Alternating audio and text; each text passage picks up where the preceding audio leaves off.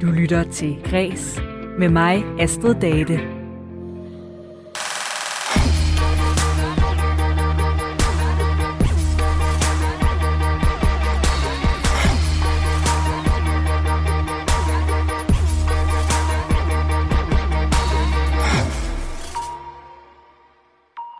Man skulle øh, næsten tro, at Danmark var placeret dybt nede i øh, Ekodalen i sidste uge, sådan som ordet festival ekkoede ud over det danske landskab.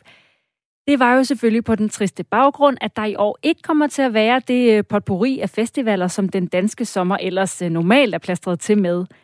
Og øh, her hos mig i dag, der kommer det også til på en lidt anden måde at stå i festivalens tegn, men øh, den her gang er det ikke med den her negativ eftersmag af aflysning.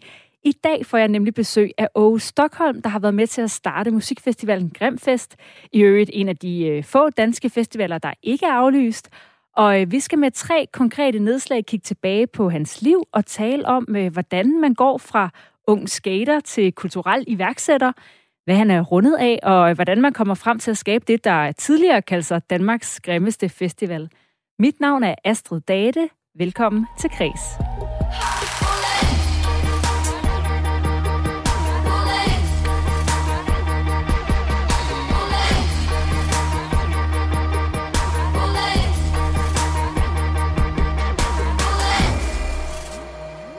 Men øh, inden det skal handle om dagens gæst her i Kreds, så får du selvfølgelig et øh, overblik over de vigtigste nyheder fra kulturens verden, som i dag går lidt pris amok. Vi begynder herhjemme i Danmark, hvor de danske filmkritikere i lørdags uddelte årets Bodilpriser. Thomas Winterbergs Druk blev selvfølgelig den øh, helt store vinder, som I nok kan forestille jer, med øh, tre priser. Skuespiller Mads Mikkelsen blev øh, for eksempel hedret for øh, bedste mandlige hovedrolle for tredje gang i karrieren. Og øh, hos kvinderne, der øh, var der i den grad nyt blod, øh, der tog prisen. Kun 13-årige Kaja Toff Loholt vandt årets kvindelige hovedrolle for sin øh, rolle som datteren Emma i filmen En helt almindelig familie, og snuppede på foran blandt andre Trine Dyrholm og Amanda Collin. Og øh, hun sætter dermed rekord som den yngste kvindelige skuespiller, der nogensinde har modtaget en øh, Bodil-statuette.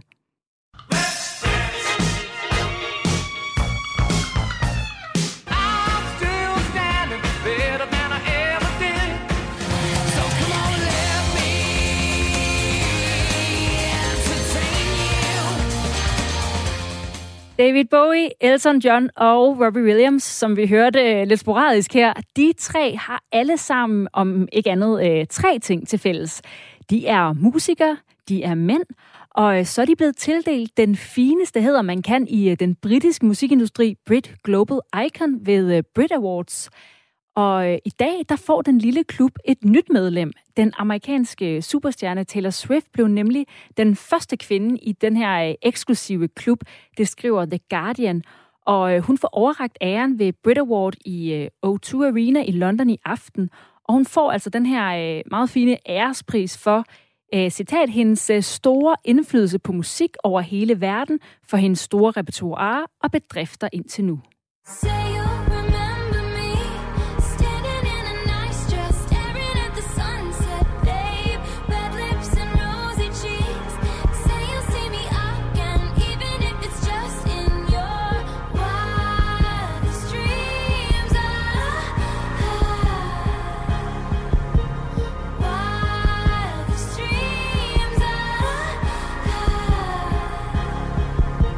Og så sagde jeg jo godt nok i introen, at det ikke skulle handle om øh, festivaler på en negativ måde. Og det er så et løfte, jeg alligevel ikke helt kan, kan holde.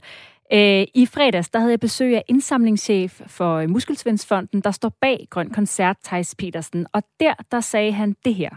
Vi har tilladt os at tage lidt tid. Vi synes, at øh, nu har vi knoklet i otte måneder på at øh, lave en model, som vi troede på kunne lade sig gøre med Grøn Koncert. Den har vi præsenteret, vi synes, den var sundhedsmæssigt, sikkerhedsmæssigt forsvarlig. Øh, det kan ikke lade sig gøre med det, der kom ud i tirsdags. Men øh, nu sætter vi, eller har vi sat os ned, og i samarbejde med Tubo har vi tænkt os rigtig godt om, og nu kommer vi med nogle nye tanker. Og øh, nu er den grønne mystik altså over, og det blev til et nej. Dermed slutter Grøn 2021 sig til resten af de danske festivaler, der ikke bliver til noget i år. Det er selvfølgelig også dårlige nyheder for Thijs Petersen selv, der siger sådan her i en pressemeddelelse, det er enormt ærgerligt at trække stikket på en helt utrolig gennemarbejdet idé og model, som jeg til enhver tid vil stå på mål for. Vi er meget stolte af det arbejde, vi har lavet helt frem til det sidste sandkorn i timeglasset, og med så stor og positiv feedback fra så mange sider, burde vores afviklingsmodel have fået, have fået chancen.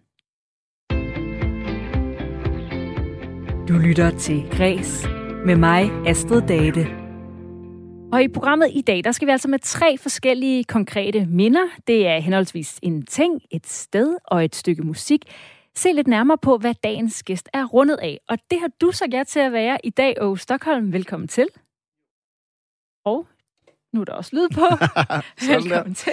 Jamen jo, tak. Du er øh, grundlægger og ejer af Grimfest, en øh, musikfestival her i Aarhus, der startede tilbage i 2004 som en havefest, der øh, med det samme blev en tilbagevendende begivenhed hvert år og udviklede sig til, at det nu er en decideret festival med over 2.000 gæster.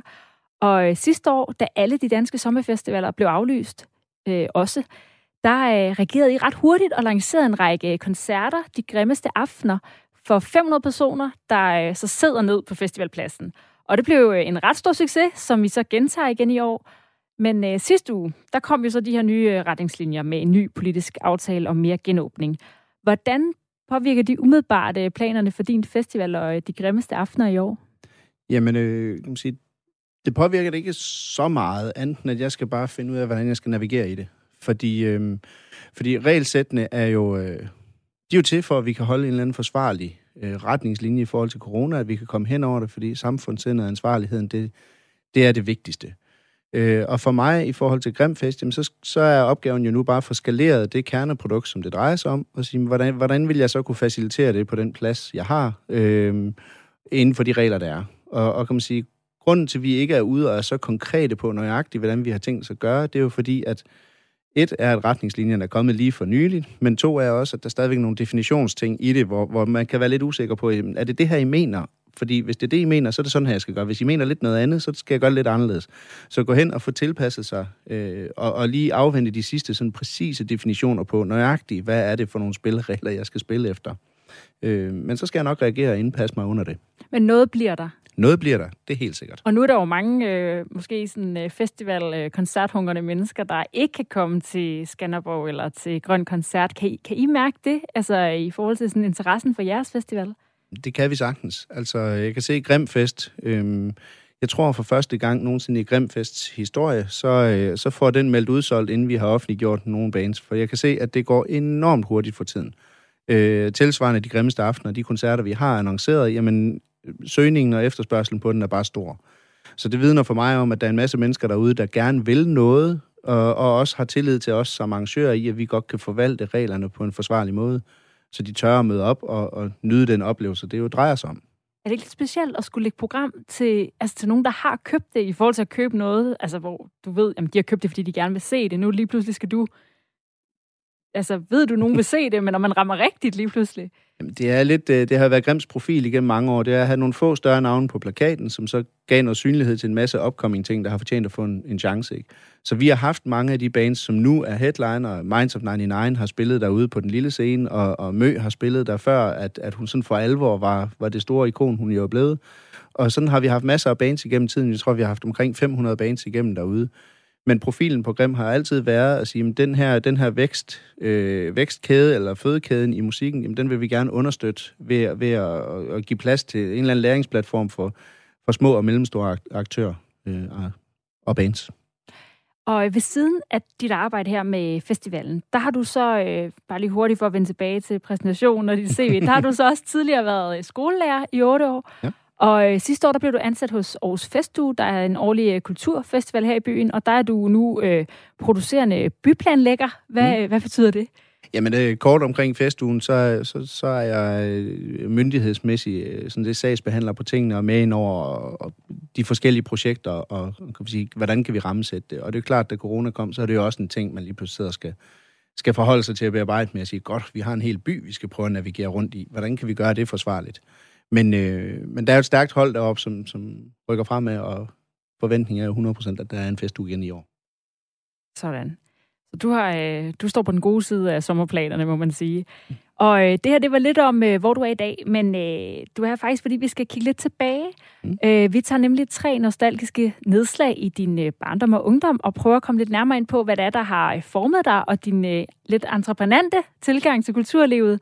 Og øh, på den måde kan vi måske også fornemme, få en fornemmelse af, hvor du så også er på vej hen. Og det gør vi altså om henholdsvis en ting, et sted og et stykke musik, som du har valgt. Og øh, den første ting, den lyder sådan her.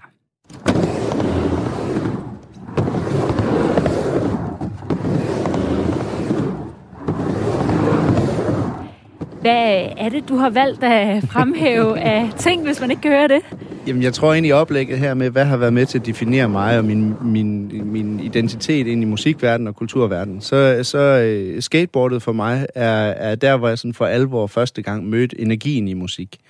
Uh, man havde lyttet til musik tidligere og sunget med i børnehaven og alt det der, ikke? men det var første gang, hvor man sådan mærkede det, den power, musikken kan have. Øh, fordi for mig, når vi stod ude i Skive Skateboardklub og stod med, med brættet, og det blev ens tur, eller man, man skulle snække sig til en runde ud på rampen, og der lige kom det rigtige nummer på, øh, Bad Religion eller DAD dengang, sådan noget, et eller andet, hvor man bare sådan tænkte, yes, fedt, så kunne man køre lidt hurtigere, og det føltes som om, at, at tyndekraften den forsvandt i et splitsekund, fordi, fordi man fik den der ekstra energiboost, som musikken den lige medvindte der, ikke? Øh. Hvornår begyndte du at skate? Øh, nu skal jeg se, jeg var i USA i 5. klasse, der havde jeg mit første bræt med hjem fra. Så, så fra 5. klasse af, så, har vi, så var det sådan en, en ting, vi gjorde øh, meget i Skive. Det var transportmidlet, indtil man fik en knallert. og nu, altså nu nævner du sådan øh, musikken i virkeligheden i, i skatebanen, men hvad, var der noget ved sådan skatekulturen og miljøet, der sådan også der tiltalte dig?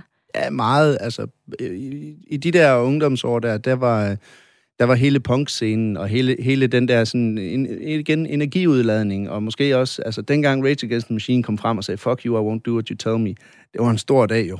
Oh, wow, og da Nirvana kom frem, og der var huller i korperbukserne, åh oh, fedt mand, det kan vi også. Altså, så der var sådan nogle identitetsmæssigt skabende ting i musikken, samtidig med den der fandenivoldskhed, der er i, i energien, du ved, den tiltalte mig bare, det ramte bare spot on. Øh, så, så, så igennem alle årene der, så var der sådan en hel subkultur i skive af, af, af det ved jeg ikke. Vi synes vi selv, vi var nogle uregerlige unge mennesker, ikke? med en pokkers masse energi. Og der musikken, det var bare det, der var, det var ventilen. Og har du nogle øh, konkrete minder, du kan huske fra dengang? Jamen altså, jeg kan, jeg kan huske, øh, du ved, jeg spillede også meget musik selv, og du ved, det at sidde og jamme, eller spille et eller andet Bad Religion-nummer, var bare sådan, ja, det er mig, der er med i bandet, ikke? Altså, den energi, der kommer frem der, man bagefter var sådan, man kan virkelig det er svært at oversætte, men jeg tror, at alle musikere, de, de ved godt, hvad man mener, når man sådan i tale sætter den der, det der, ah, yes, der var den, og sammenspillet, og vi, det, det virkede, det var fedt. Den energi der, den er, den er sådan, den, den er, det er ret vildt, faktisk. Og du har faktisk så fået den i forbindelse med sådan sport og bevægelse, at det i virkeligheden var der, du ligesom kunne, altså fordi, mm. det er dit skateboard, men i virkeligheden var det jo musikken, der, ja. der betød noget for dig. Det var, det, var, det var en del af kulturen, det var noget at læne sig op af, noget at identificere sig med. Øhm, og, og nogle sangtekster, man lige pludselig siger, wow, de siger det samme, som jeg synes, formuleret på en fed måde, at jeg kan synge med på det. Du ved, så det, deres holdninger bliver til mine, og det mine bliver til deres. Du ved, at tingene sådan på den måde blander sammen, når man begynder at have det her fede tekstunivers, som jeg synes, der er i punkmusikken. Det er talesat nogle problemstillinger, jeg synes var. Øh, og så den energi samtidig med, du ved, hvor det bare sådan, øh, fuld fart fremad. Øh, det ved jeg ikke. Det var sgu ikke til at stå for. Men hvor, hvorfor har du brug for den? Altså, det lyder som om, du havde en, øh, noget, der skulle ventileres. Jamen, det tror jeg. Det tror jeg. Altså, øh, jeg ved ikke, hvor det kommer fra. Jeg ved ikke, om det hører sig sammen med at gå der i en sådan 5., 6., 7., 8. klasse, ikke 9. klasse for den sags skyld også. Øh, at, at, at man vil gerne sprælle lidt. Øh, det tror jeg aldrig går over. Er det ikke det, der er defineret som ungdommen og de vilde unge og sådan, ikke? Altså, man vil gerne sprælle lidt, og når man lige pludselig har et soundtrack til, så er det fedt. Og øh, du har jo også en øh, skateboardrampe på øh, festivalen, Grimfest. Hvor, hvordan kan det være? Jamen, øh, da vi startede den i 2004, så var det sådan en velkommen hjemfest for mig selv og en, der hedder Thijs. Vi skulle komme hjem fra Norge. Øh, sådan en skisportssæson. Og, øh, og kan man sige, mange af de elementer, som vi selv består af, sådan, åh, vi skal også have en ramp, vi skal også have en scene, vi skal også have en graffiti-væg, vi skal have alle de her forskellige ting. Fordi de elementer, de venner, du ved, sådan, hvis vi bygger en ramp fedt, så kommer alle dem, så, så, du ved, så er det helt vildt fedt, så kan vi hygge os om det. Og da vi gik i gang med at bygge den, du ved, hele det der miljø og Skive Skateboardklub og masser af de der sådan gamle gutter, ikke? Du ved, så samles man lige pludselig om et eller andet og, og, og bygger den her rampe, der var super, super fed energi og stemning omkring det. Som jo også gjorde, at til Grimfest lige pludselig så står man der og har alle de her øh, skater, det blev en, altså, det er et hovednavn ind i festivalen. Skate-contesten hver eneste år, det er en, en kæmpe ting fordi der er så mange, der sådan, du ved, vi har masser af gæster, som jo ikke er øh, 15 mere. Nogen tror det efter et par bajer, ikke? Men, men du ved, sådan, øh, det der, det har jeg også selv kunne en gang. Og sådan noget. Der er en masse, man kan sidde og identificere sig med i, i hele det der skatemiljø for mange af de gæster, der kommer. Og nu endte du også med netop at, at udvikle det til det videre til en festival. Mm. Men det startede så nærmest med en skaterampe, kan man sige. Der er også et eller andet sådan... Øh, altså, jeg tror i hvert fald, jeg forbinder altså, skater. Der er noget entreprenant over det også. Altså, i sig selv, det miljø. Netop det der med, sådan, om vi skal bygge en rampe, eller, ja. altså, eller det med at finde et sted og skabe et miljø. At der, altså, det, det er sådan det er lidt et miljø, hvor man ligesom også selv tager noget initiativ til at finde et sted, man kan skate, eller finde et sted i byen, hvor det giver mening. Ja, ja. Jamen, jeg er fuldstændig enig, og det, det er meget, en, øh, det er meget en, en måde, tror jeg, at finde sig selv, fordi så tager man nogle stykker ud, finder en trap, hvor det er sjovt at køre på, eller et sted, hvor der er en naturlig rampe på en bygning, eller et eller andet, sådan en, en, en skråning. Øh, og, og, så er man ude og hænge ud, så, man, du ved, så, så det bliver, du ved, bliver en livsstil. Øh, og den energi, du siger, du havde, sådan, eller fandt dengang ved at skate og, sådan, og med musikken, har du stadigvæk den? Ja, ja jo, det, er altså ikke trækkende på det. Ja, det synes jeg, jeg har. Men, øh, men det slår mig lige her den anden dag. Du ved, man, man, min definition af, hvornår man begynder at blive ældre, det er, når man tager skateboardet, og så man begynder at risikoberegne, i stedet for bare at sige, fedt, fuck it. Øh, du ved, sådan, ah, jeg overskuer ikke helt at falde, og ah, det her kan jeg munden, og hvad med knæene? Du ved. Ikke at jeg definerer mig selv som gammel, men man ved, at man er blevet ældre, når man begynder at risikoberegne. Ja. Øhm, og, og deri, der ligger den, tror jeg, den store forskel. Så for mig nu, så, så den, den energi, der måske stadigvæk ligger i det, den prøver jeg at kanalisere et andet sted hen. Øh, samme skabertrang, samme, du ved, jeg har altid, dengang vi var mindre, da vi skatede, det at bygge ramper, det at lave en eller anden konstruktion, man kunne køre på, det gik jeg meget op i. Og det er jo princippet det samme, jeg gør det, i hvert fald elementer af det endnu. Det er bare kanaliseret lidt anderledes over. Ja, man kan godt trække nogle tråde i hvert fald, lyder det ja, som om. sagtens. Og øh, skater du stadigvæk? Det er forkert at sige, at jeg gør, ja. men... Altså, men, du ser, øh, når du kigger på det, tænker du, åh, min knæ. Ja, nej, nej, nej. men, men risikoberegningen... Nej, jo, jeg kører lidt en gang imellem, men det er ikke, det er ikke alverden. Det er jeg egentlig... kan godt se dig på rampen på øh, Grimfest en gang imellem hver eneste år, når, når det først der bliver lagt nye plader på, og du ved, den er blevet tilpasset, så, så plejer jeg gerne lige at køre en lille tur, men, men ikke, ikke mere end det. Jeg, I ser mig ikke i skate-contesten mere, fordi det er, der er folk, der er meget bedre til det, end, end jeg er. Er der en uh, særlig sang, du husker fra uh, din skate-tid i Skive? Jamen, øh, kan man sige, Bad Religion, det var en af de bands, der sådan for alvor definerede nogle ting. Sex Pistols gjorde også, men Bad Religion er for mig en af de ting, der virkelig har, har, har fulgt med, og stadigvæk er en stor ting. Øhm, ja, og et bestemt nummer, så skulle det være Struck a Nerve med Bad Religion. Det er virkelig talesættende på de ting, jeg synes er vigtige, og teksten og det hele, det er fedt. så jeg, altså, jeg er simpelthen ramt lidt forkert i forhold til, uh, da vi lige tog snakken uh, ja. tidligere, fordi uh, der snakker vi om D.A.D. Ja, jamen D.A.D. i den grad. Ja. Er, altså kan man sige, D.A.D. med Sleeping My Day Away. Uh, det, det er en af dem også, hvor, hvor kan man sige, dengang, der kan jeg huske lige så tydeligt, for ja. sådan lige et minde. Ja. Jeg kan faktisk huske den sang, hvor jeg stod på rampen med skateboardet gjort klar, og, og, og så kom den, du ved, at det var faktisk første gang, jeg hørte det nummer, Sleep in My Way Away. Og jeg kan bare huske, hey, det lyder fedt, det her, der er sådan en eller anden country over gitaren, ikke? Det var sådan fuld fart optur. Og så, så er jeg afsted til det nummer. Og øh, ja, som I måske kan høre, så er vi ved at lade dig, O. Stockholm, ejer og leder af musikfestivalen Grimfest, bedre at kende. Og det gør vi altså med tre nostalgiske kig til din barndom og ungdom med henholdsvis en ting, et sted og et stykke musik. Og inden vi går videre lige om lidt til et sted, så synes jeg nemlig lige, at vi skulle høre et stykke musik. Mm. Øh, og det er så ikke det musik, som du har valgt at tage med, som vi skal snakke om senere. Øh, men øh, det er den sang, som du nemlig nævnte sidst, vi snakkede, som, øh, som du skatede til som 13-14 år i Skive. Sleeping My Day Away med D&D. og jeg synes simpelthen, det er et klasse nummer, så derfor så synes jeg også lige, at vi skulle, øh, skulle have det med her. Tak skal du have.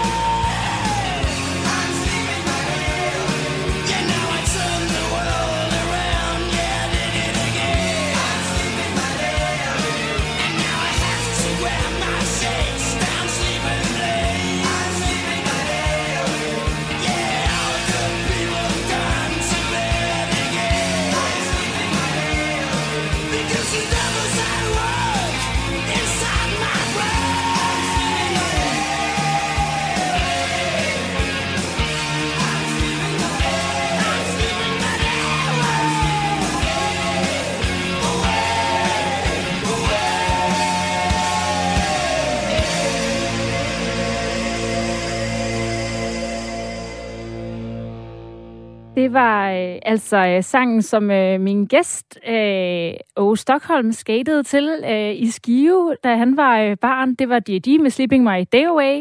Øh, og altså kæmpe apropos, så øh, fra din skate der, så skal D&D spille koncert i Skive på fredag af alle steder.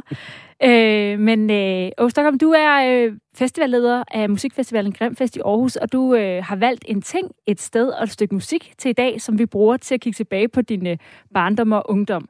Og vi er nået til et sted.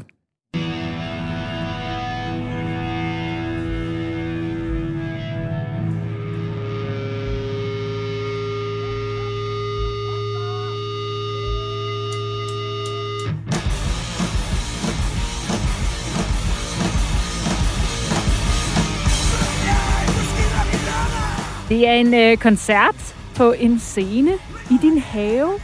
ja, på din gård øh, Grimhøjgården, hvor du øh, bor i Brabant her ved Aarhus, og øh, hvor musikfestivalen Grimfest altså også afholdes. Og her hørte vi lidt af Dolker dit ansigt af Smertegrænsens toller, der spillede på Grimfest tilbage i øh, 2019, inden der gik øh, total corona i den. Hvorfor er det øh, Grimhøjgården, du har valgt at øh, fremhæve som øh, dit sted? Jamen, øh, det er fordi, det er min store legeplads. Øh, og bandet der, det var jo lige i forbindelse af skate-contesten lige efter, og, og, og kan sige, den energi, vi snakker om lige før, ikke? Jamen, det band der, det er jo også hele punkscenen. Det er ikke kun Grimfest, det er slet ikke punkmusik igennem, øh, fordi god musik er et eller andet sted ikke genrebestemt. Men grunden til, at jeg har valgt gården som mit sted, det er fordi, at øh, for mig, så er det den ramme, hvor jeg har haft mulighed for at, at, at at indfri de visioner, idéer og tanker, som jeg har haft igennem årene, og som vi har haft som organisation, og, og, og haft en stor legeplads, samtidig med, det var der, jeg boede.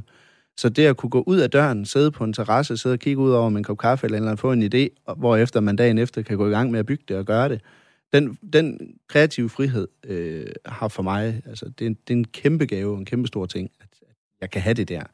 Øhm, og gården for mig, så minder den mig utrolig meget om sige, et, et, et band, jeg havde, der var yngre, øh, Hvid Chokolade, indercover i deres album, med Chokoladeland, fordi det var sådan hele den, den forklaring fra det album dengang, har virkelig sat sig i mig.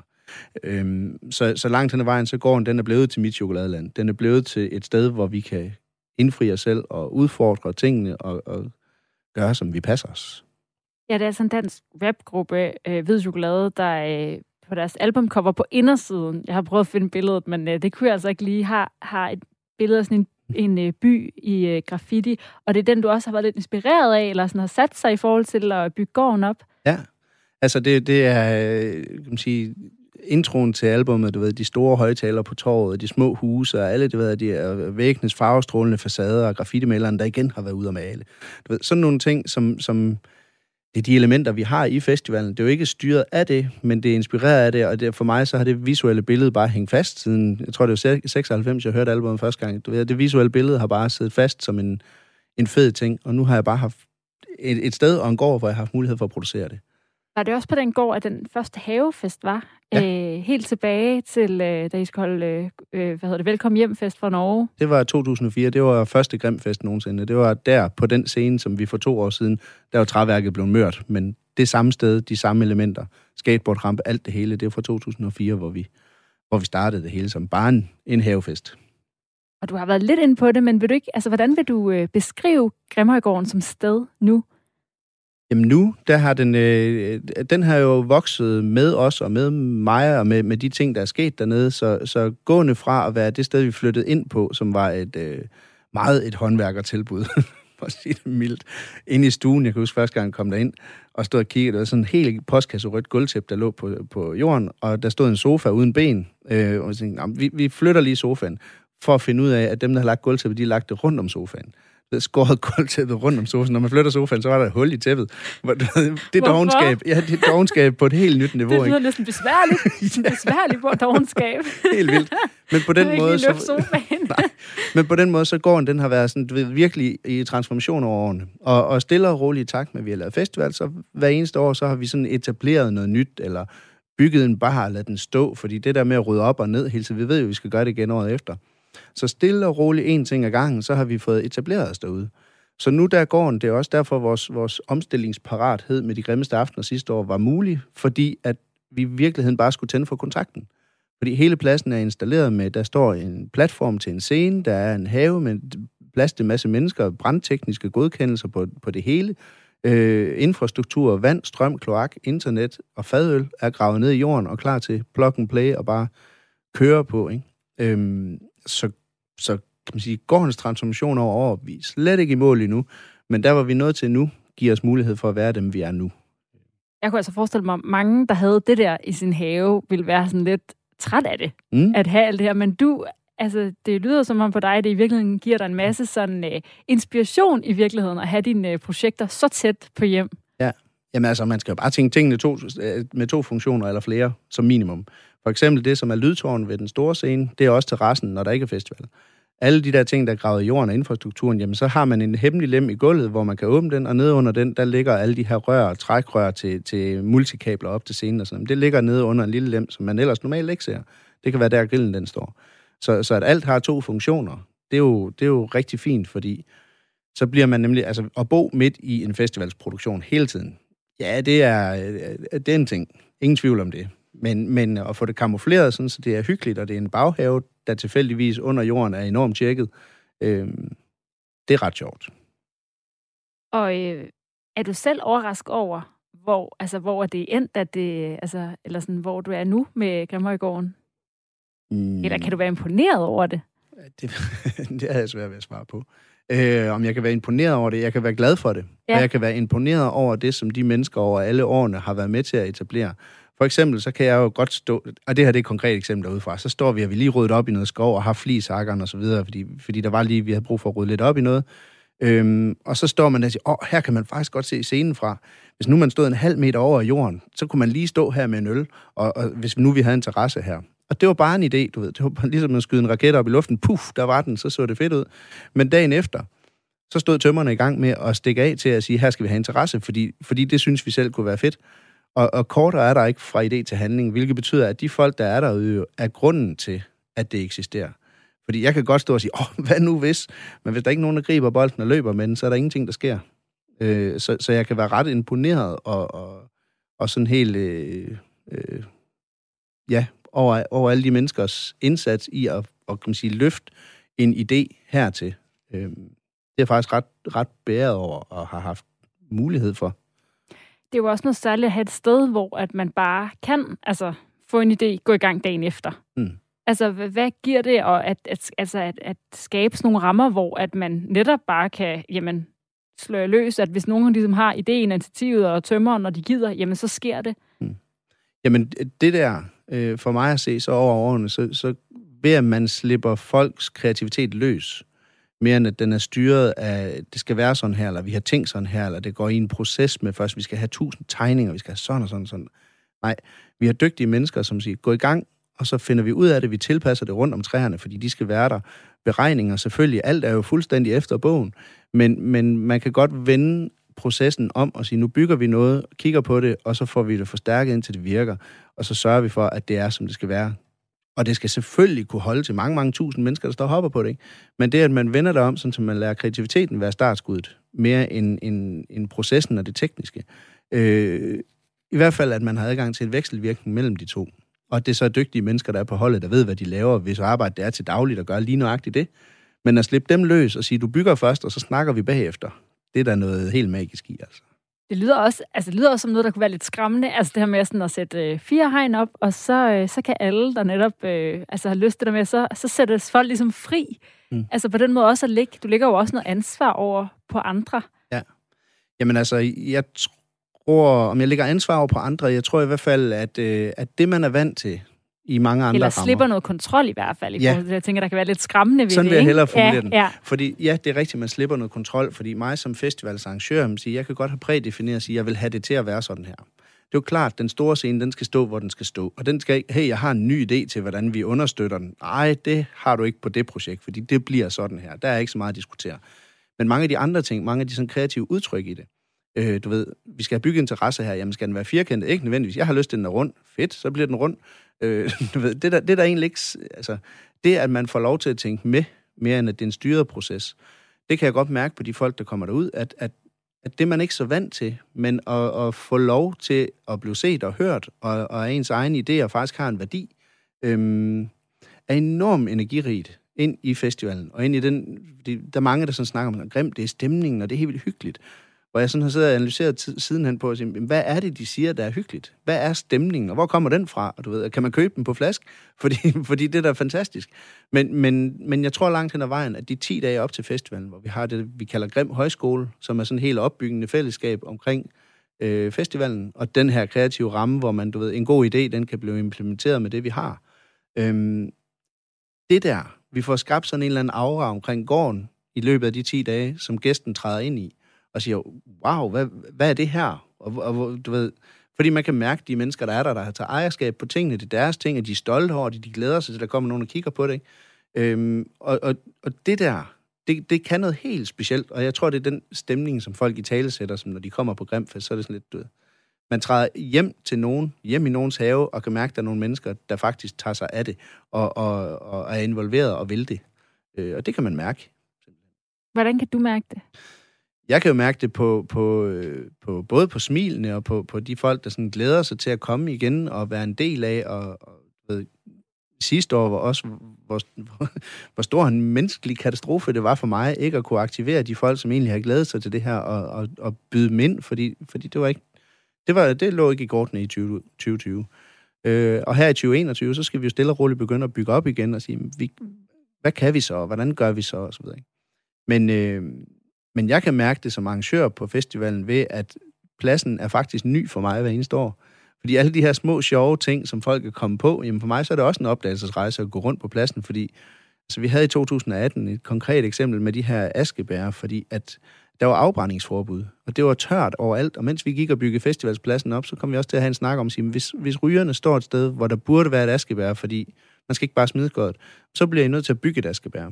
Hvilket betød, at lige pludselig så er der Askebær alle mulige steder, hvor man kan se, at de frivillige eller højskoledeltagerne har gået og haft behov for det, som gør for mig som arrangør, så kan jeg finde Askebær mærkelige steder, hvor jeg tænker, fedt, jeg kan jo næsten se deres historie, de har stået her og tænkt, her kommer der også til at være en gæst, der mangler det, så jeg bygger det. Øh, og sådan noget synes jeg er helt vildt spændende, og helt vildt sjovt at gå rundt i, fordi så er det også nyt for mig. Synes du generelt, at der mangler altså de rum i, i samfundet i dag? Altså, øh, altså, eller er det noget, der altså, er forbeholdt i gåsøjne mindre sådan, kulturarrangementer, som, som dine musikfestivaler? Altså sådan, sådan nogle rum, hvor man kan være lidt... Øh, altså, hvor der netop ikke er den der kontrol, ikke? Altså, for det kræver jo også netop noget at, at bare sige, nu, nu ser vi bare, vi skal jo ikke vide, hvad det er, der bliver til, ikke vide, hvad de bygger, og ikke vide, hvor jeg skal bære så står, og står det så det rigtige sted? Ja, ja. Jamen altså, jeg, jeg, kunne godt, øh, jeg kunne godt ønske mig, at vi som samfund, hvis vi skal op på den høje klinge, ja sige, at, øh, at den kreativitet, der ligger i mennesker, har en værdi. Øh, fordi hvis du kigger på øh, en, en 0. klasses elev, der starter i skolen, hvis du lægger øh, nogle, nogle fagblyanter på bordet, og du sætter musik i radioen, så vil de unger, de vil danse, og de vil tegne, og de vil ikke kunne lade være. Men, men efterfølgende, og nu karakteriserer det en lille bitte smule, fordi så siger man, du er ansat i et job i ni år. Det er ufravilligt, du kan ikke sige det op. Definitionen på en god arbejdsdag, det er at sidde ned og svare, når du bliver spurgt. Så langt hen ad vejen, og det er ikke rigtigt, fordi der er mange steder, hvor der, der er jo enormt mange dygtige, kreative lærere, som prøver inden for rammerne. Men vægtningen af det, der er formålet med skolen, er jo det samme, som det har været i 100 år, hvis ikke mere. Og jeg er meget inspireret af en gut, der hedder Ken Robinson, som har en TED-talk omkring The Schools Kill Creativity. Fordi det er det samme undervisningssystem, der er på hele planeten. Og vægtningen af det er det samme. Det er matematik og det danske. Der er sådan nogle helt... Men musik og kreativiteten, det, det, er jo, det er jo forsvindende lidt ind i det regnskab. Kig på, at musik det har eller noget i to timer i skemaet om ugen, hvor matematik det har syv. Hvorfor egentlig? Altså, hvorfor er det, at det, som vi som mennesker virkelig værdsætter, hele den her, altså, sæt musik på, der er ikke et men- menneske på planeten. Det er en påstand, det er klar over, men jeg tror ikke på, at der er en menneske på planeten, der ikke vil reagere på det rigtige stykke musik i det rigtige setting på en eller anden måde, og så få gås ud. Altså, det, at, at det kan tale til vores følelsesregister på en måde, som vi ikke helt er herre over. Jeg synes, det er skørt, at det ikke er værdsat nok. Og hvis man kigger ind i samfundets fremtid, man siger, vi træder, det, er jo, det er jo hele tiden det, der bliver debatteret, men vi, vi, vi træder ind i et samfund, vi ikke ved, hvordan er. Vi har, der, alt er nyt, fordi global opvarmning og klimakriser og, og corona og omstillingsparathed, jeg ved ikke hvad, det man skulle i går er ikke det, man skal, og det man er uddannet til, er man ikke nødvendigvis på arbejde som i 50 år, du ved. Alt er oppe i luften. Men det, der er vores menneske DNA-mæssige, vi kan ikke lade være tænkt sig, at det ikke har, har en højere værdi. Det kan undre mig. Så at jeg i en lille bitte ramme ude i Brabrand på en lille bitte gård kan lave et mikrounivers, hvor, hvor vi gør det. og mennesker vokser i det. Øhm, er for mig et eller andet sted, at hvis man skal betragte gården som en prototype på at sige, kan vi, kan vi øh, skabe et mikrosamfund, som, hvor man kan bevise, at de her elementer faktisk har en værdi, og at de styrker menneskers velværke, sådan så når de går hjem fra festivalen, så kan de leve højt på den energi i en måned. Og så kan det være, at der når vinter i det, og det begynder at kollapse lidt igen, men så, åh, jeg glæder mig til næste år, til det her frirum, til, den her, til et sted at kunne være. Øhm, jeg ved ikke, jeg vil ønske, man, øh, man tog det mere alvorligt, at der er mere i os end, end, end, end bare. Altså, og da corona kom, så kunne man jo se folk, der lige pludselig alt skulle lukke. Dronningen gik på scenen, og når hun gør det på den måde der, så hører man efter. Nu går I hjem, slip hvad I har, fordi der er noget her, der er vigtigt. Vi skal, vi, vi skal lige have styr på verden igen. Det kunne hele planeten gøre. Tænk sig, i 14 dage var alle hjemme og sagde, åh, pause. Det redskab i værktøjskassen var der ingen, der ikke anede eksisterede, og at kunne eksistere. Så tænk sig, vi kan alle sammen høre efter, hvis dagsordenen er rigtig. At vi så kan lave nogle, nogle, nogle menneskelige, kreative ting og sige, hvad er det egentlig, der er det vigtige her? Det ved jeg ikke. Jeg vil ønske, man gjorde mere i. Og du gør i hvert fald, hvad du kan med Grimfestivalen og få sat uh, musik og kreativitet på skemaet der. Og uh, vi skal også videre her, hvor vi også skal have musik på skemaet. Du lytter til Græs med mig, Astrid Date. Vi er nemlig nået til uh, den sidste af de tre ting, vi skal bruge. Uh, vi har brugt dagen i dag til at se tilbage på, hvad der har været med til at forme festivalejer og, uh, af, af musikfestivalen Grimfest Aarhus Stockholm. Og øh, vi er altså nået til musikken. Og hvad er det for et øh, nummer, som øh, vi skal høre? Jamen, øh, det nummer, det er på, øh, på Hvid Chokolades album, Sådan er vi. Og det nummer, det er for mig øh, stadigvæk gældende, og det taler ind i mange af de andre ting her. Jeg kan huske, da jeg hørte det dengang første gang i 96. Det har aldrig forladt mig. Det har aldrig forladt min bevidsthed, det har aldrig forladt min måde at tænke på, øh, og har defineret mig utrolig meget i forhold til, hvordan jeg også stadigvæk har det, og, og, og tænker verden et eller andet sted. Øhm, jeg synes bare, at det var formuleret sad lige i skabet. Og du ved, hele, hele det håndværksmæssige, det faglige, måden at skrive det på og formulere det på, jeg ved ikke, hvid chokolade, de kunne bare noget helt specielt. Ja, for der var jo mange altså, populære rapgrupper dengang i 1990'erne. Hvorfor, hvad, hvad er det, der gjorde sådan ekstra indtryk på dig? Jeg tror, at øh, den måde, det blev helt nede på jorden i talsat på en måde, hvor, hvor det var øh, underfundigt og formuleret øh, fedt, og nogle gode beats, og håndværket var fedt. Du ved. Det var der mange andre, der også gjorde, men jeg tror bare lige det band, der det ramte mig fuldstændig, fordi sådan er vi. Det er der også en afklædthed i til at starte med at cover det, at du står i et motionscenter og afklædt og siger, sådan er vi. Øh, allerede der, ikke, så, så ligger der en hel masse øh, metaforer, og historikker og forklaringer og, og tænkninger bagved. Øh, at albumet så også er fedt, det er jo, det er jo super. Det er jo sådan en, hele den der subkultur med graffiti og, og, og hiphop og breakdance og alle de der elementer der, ikke? Jamen, der var det bare, det ved jeg ikke, de var dygtige til det. Og vi skal høre deres nummer, Hvad kan jeg blive? Kan du bare helt kort sådan, sige, hvad det handler om? Det kan jeg sagtens. Hvad kan jeg blive? Du kan blive, som du vil have det. Hvad skal jeg gøre? Sige fra eller tage det. Hvad kan jeg blive? Du kan blive, som de andre knokler røven ud af bukserne, eller ingenting forandre.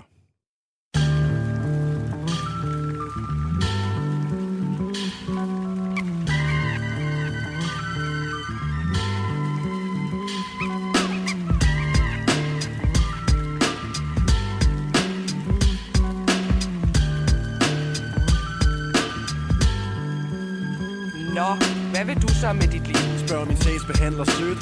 Stiger rutineret med et blik, der virker dødt. Med små søde briller på Måden håret falder på. Blinker jeg og tænker, at hun nok vil forstå. Jeg vil danse gennem verden ledsaget af en vilje til at møde folk og føle vi familie Hvad intellektuel. Timer som spasser, viske kærlige ord og grine højt som Dirk Passer. Ja, det er mit mål, mor for livet bestået. Kunne stå på egne ben selv, når strømmen den er gået. Men min sagsbehandlers ord handler ikke om ligestilling over for moder jord. Jeg kan blive pengemand og udnytte de små. Stå som bartender, servere små grå. Jeg kan blive bistandsklient, så jeg får pengene betalt. Eller uro, betjent og ultravold er legalt. Der er skrevet bøger om, hvordan man bliver borger Det er 37 timer hver, helst lidt derover Men hvad nu hvis jeg siger, at jeg har andre værdier? Nu holder du kraftedet med Jeg op! prøver at se, hvem der skriger Hvad kan jeg blive? Du kan blive, som de vil have det Hvad skal jeg gøre? Sig fra, eller tag det Hvad kan jeg blive? Du kan blive en står op og tager på job Og så tager hjem igen og sover Hvad kan jeg blive? Du kan blive, som de vil have det Hvad skal jeg gøre? Sig fra, eller tag det Hvad kan jeg blive? Du kan blive, som de andre knokler røven ud af bukserne Og ingenting forandrer Jeg er et eksbarn, der blev kuldret i hovedet For skroet, jeg troede og det gode vinder altid men det må være en tegneserie sandhed. Min verden er vanvid. Paranoid som jeg sidder Med kold sved og leder. Efter en fremtid føler jeg trang til En gang at kunne sove roligt. Fortrolig med verden og aldrig urolig. Men der er så mange ting, jeg ikke helt fatter. Og hvis jeg gør, så gør det ingen forskel. Regeringen har så travlt med at indkassere skatter At min mening kun vil være en bagatel Vel en politiker, du delvist er enig med så kan han repræsentere din fremtid. Sådan er demokratiet, og det bliver det nok ved med For staten ændrer ikke en skid sidder med værdier på papir. Politi som garanti for love. De laver, der forsikrer, de kan blive Simulerer, de er vidne, men overser det tigger. I bomben hos folket, de kender for statistikker. Kæmper man for fred, må man smide sine våben. Vil man hjælpe folket, må man lytte efter råben. Vi er dyr i eventyr om at bygge fælder For på overfladen er det overfloden, der tæller. Hvad kan jeg blive? Du kan blive som de vil have det. Hvad skal jeg gøre? Sige fra eller tag det op og tager på job Og så tager hjem igen og sover Hvad kan jeg blive? Du kan blive som de vil have det Hvad skal jeg gøre? Sige fra eller tag det Hvad kan jeg blive? Du kan blive som de andre knokler røven ud af bukserne og ingenting forandrer Jeg træder vande i min verden Prøver på at svømme gennem drømme gennem rim Der flyder. Dybt i en undergrund og dybt i mit sind. Min scene er en tømmerflåde, funken er min vinser Jeg sejler rundt mellem øer og banker. Søger efter bunden, går på grund, På grund af tanker, Så jeg skal vanker der Ligesom sten ikke vil lade sig rokke, men heller spænde ben. Hvornår er tiden inde til at opnå retfærdighed Fællesskab og lighed, personlig frihed. Hvor længe kan jeg tro, at alt bliver godt Når jeg ikke vil en skid og skal lade andre vælge for mig? Måske er statens billede bankerot, det kunne være. De bare skulle lære at ryge pot. Måske under rosen fanger Nyrup så fidusen. Hvis Danmark skal have skaj, så skulle man sælge fed i brusen. Jeg kunne en lille fisk i oceanet Der drømmer om en nå, der ikke er forurenet eller drænet For funk, et chokoladeland Hvor folk må være sig selv, hvis de kan. Hvad kan jeg blive? Du kan blive som de vil have det Hvad skal jeg gøre?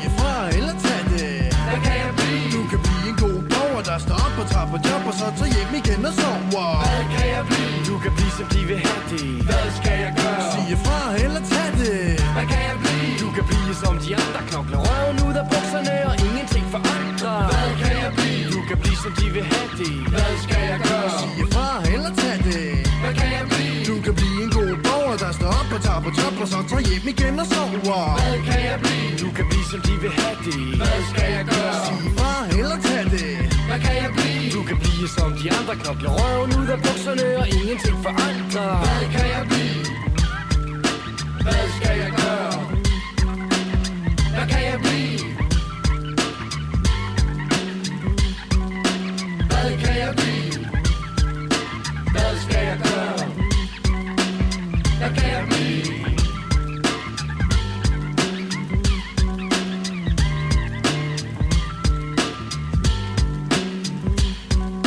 Det her var altså et nummer af den danske rap-hip-hop-gruppe Hvid Chokolade, som øh, bestod af tre gutter fra Næstved, der udgav det her øh, første album i 1996, hvor jeg også det her nummer Hvad kan jeg blive er fra.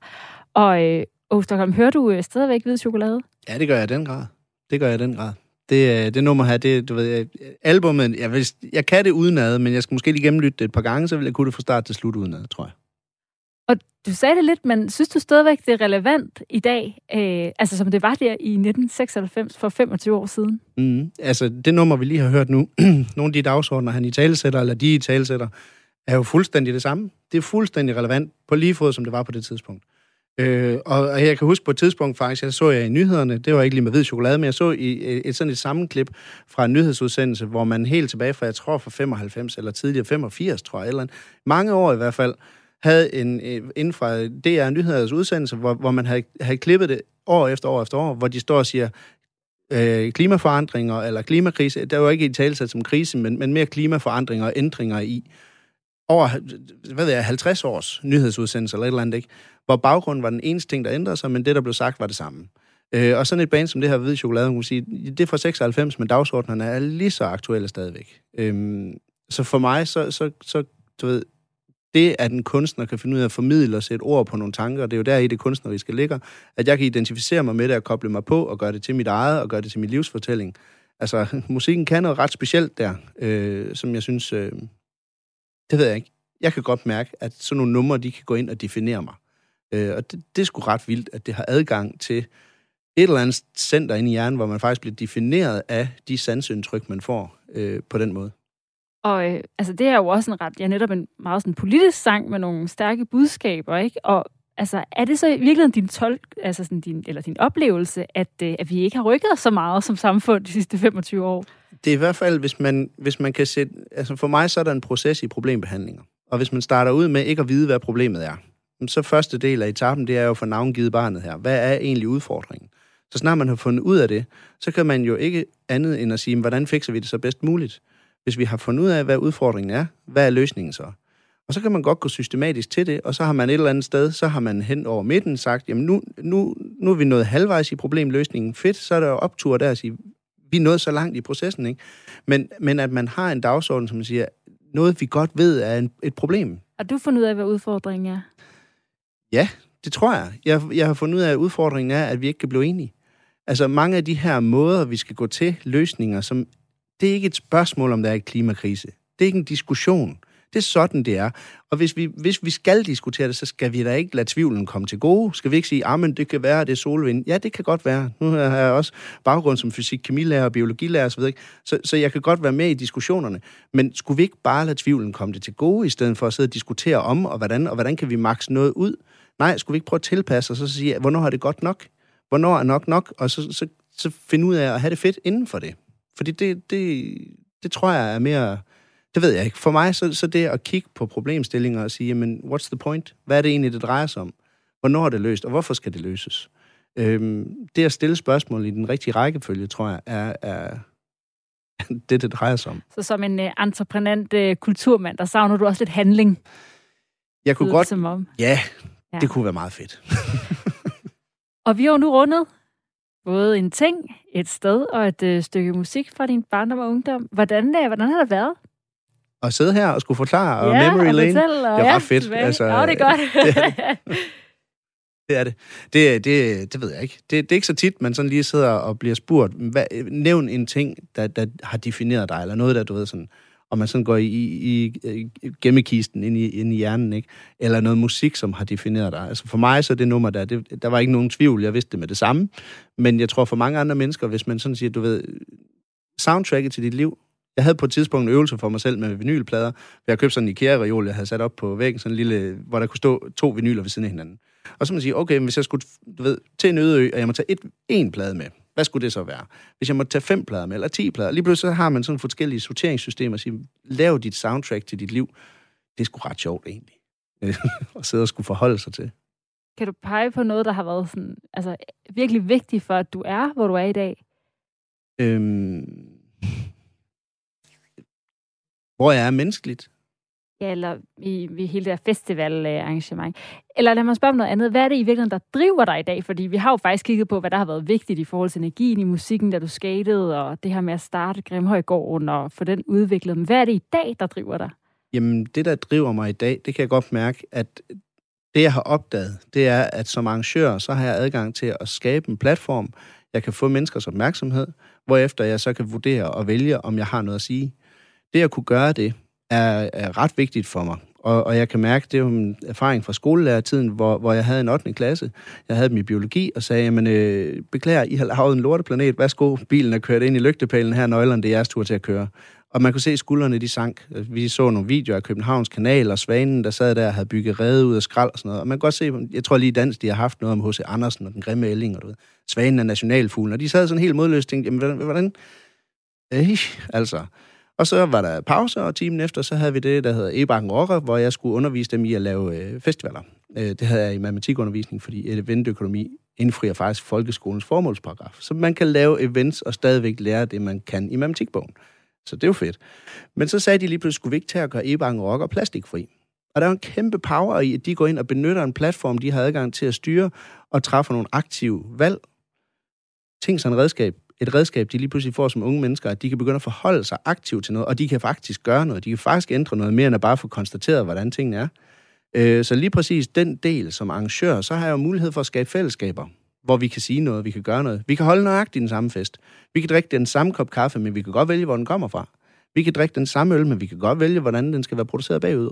Det vil sige, at jeg har mulighed for faktisk som arrangør at skubbe til et firma i Kina ved hjælp af de valg, jeg tager her. Fordi produktionslinjen bagefter, den, den, den ændrer sig. Northside for nogle år siden, ikke? Jamen, de vil gerne have shots på festivalen, fordi det vil man gerne. Så sagde de til Gajol, vi vil gerne have økologiske shots. Hvad skete der så? Så siger Gajol, selvfølgelig. Og så laver de økologiske. Så lige pludselig så kunne man få det. Det kunne man ikke før. Så du ved, hele det der lead the way som arrangør, det er jo det, der står på t-shirten ved Northside. Jeg kan godt mærke som grim og som arrangør, man har adgang til at skubbe på nogle dagsordner som arrangør, fordi man har folks opmærksomhed. Giver det dig også et uh, særligt ansvar? Ja, det synes jeg. Fordi, fordi når først man er kommet til at kigge ned i den der Pandoras æske og sige, wow, der er alle de her løsninger på det, øh, så kan man ikke bare lukke den igen. Øh, så for mig som arrangør, så hvis jeg, har, hvis jeg har mulighed for at gøre noget, hvis jeg har mulighed for at indfri et eller andet, eller skubbe på noget, jeg synes er vigtigt, så kan man jo ikke lade være. Det skal man da gøre. Og øh, det var alt, hvad vi nåede for i dag. Øh, Åh Stockholm, øh, tak fordi du var med, øh, og øh, held og lykke med, øh, hvad det nu end bliver til til sommer med øh, de grimmeste aftener og grimfest, og billetterne de er til salg, men kun lidt endnu. Ikke? Det er lige ved at Det går være, hurtigt. Det går rigtig hurtigt, så øh, hvis man er øh, derude en lidt øh, oplevelseshungrende dansker og har set, okay, nu er der så meget, der er aflyst, så, øh, så skal man altså være hurtig, selvom man jo faktisk ikke rigtig ved, hvad, øh, hvad der er på programmet endnu.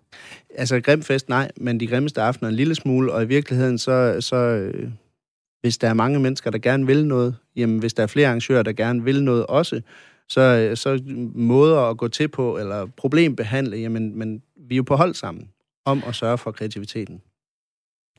Du har lyttet til øh, Græs på Radio 4. Jeg hedder øh, Astrid Date, og øh, vi lyttes ved på podcasten eller i morgen, hvor det blandt andet skal handle om en ny bog, der sætter fokus på øh, kvinderne i verdenshistorien.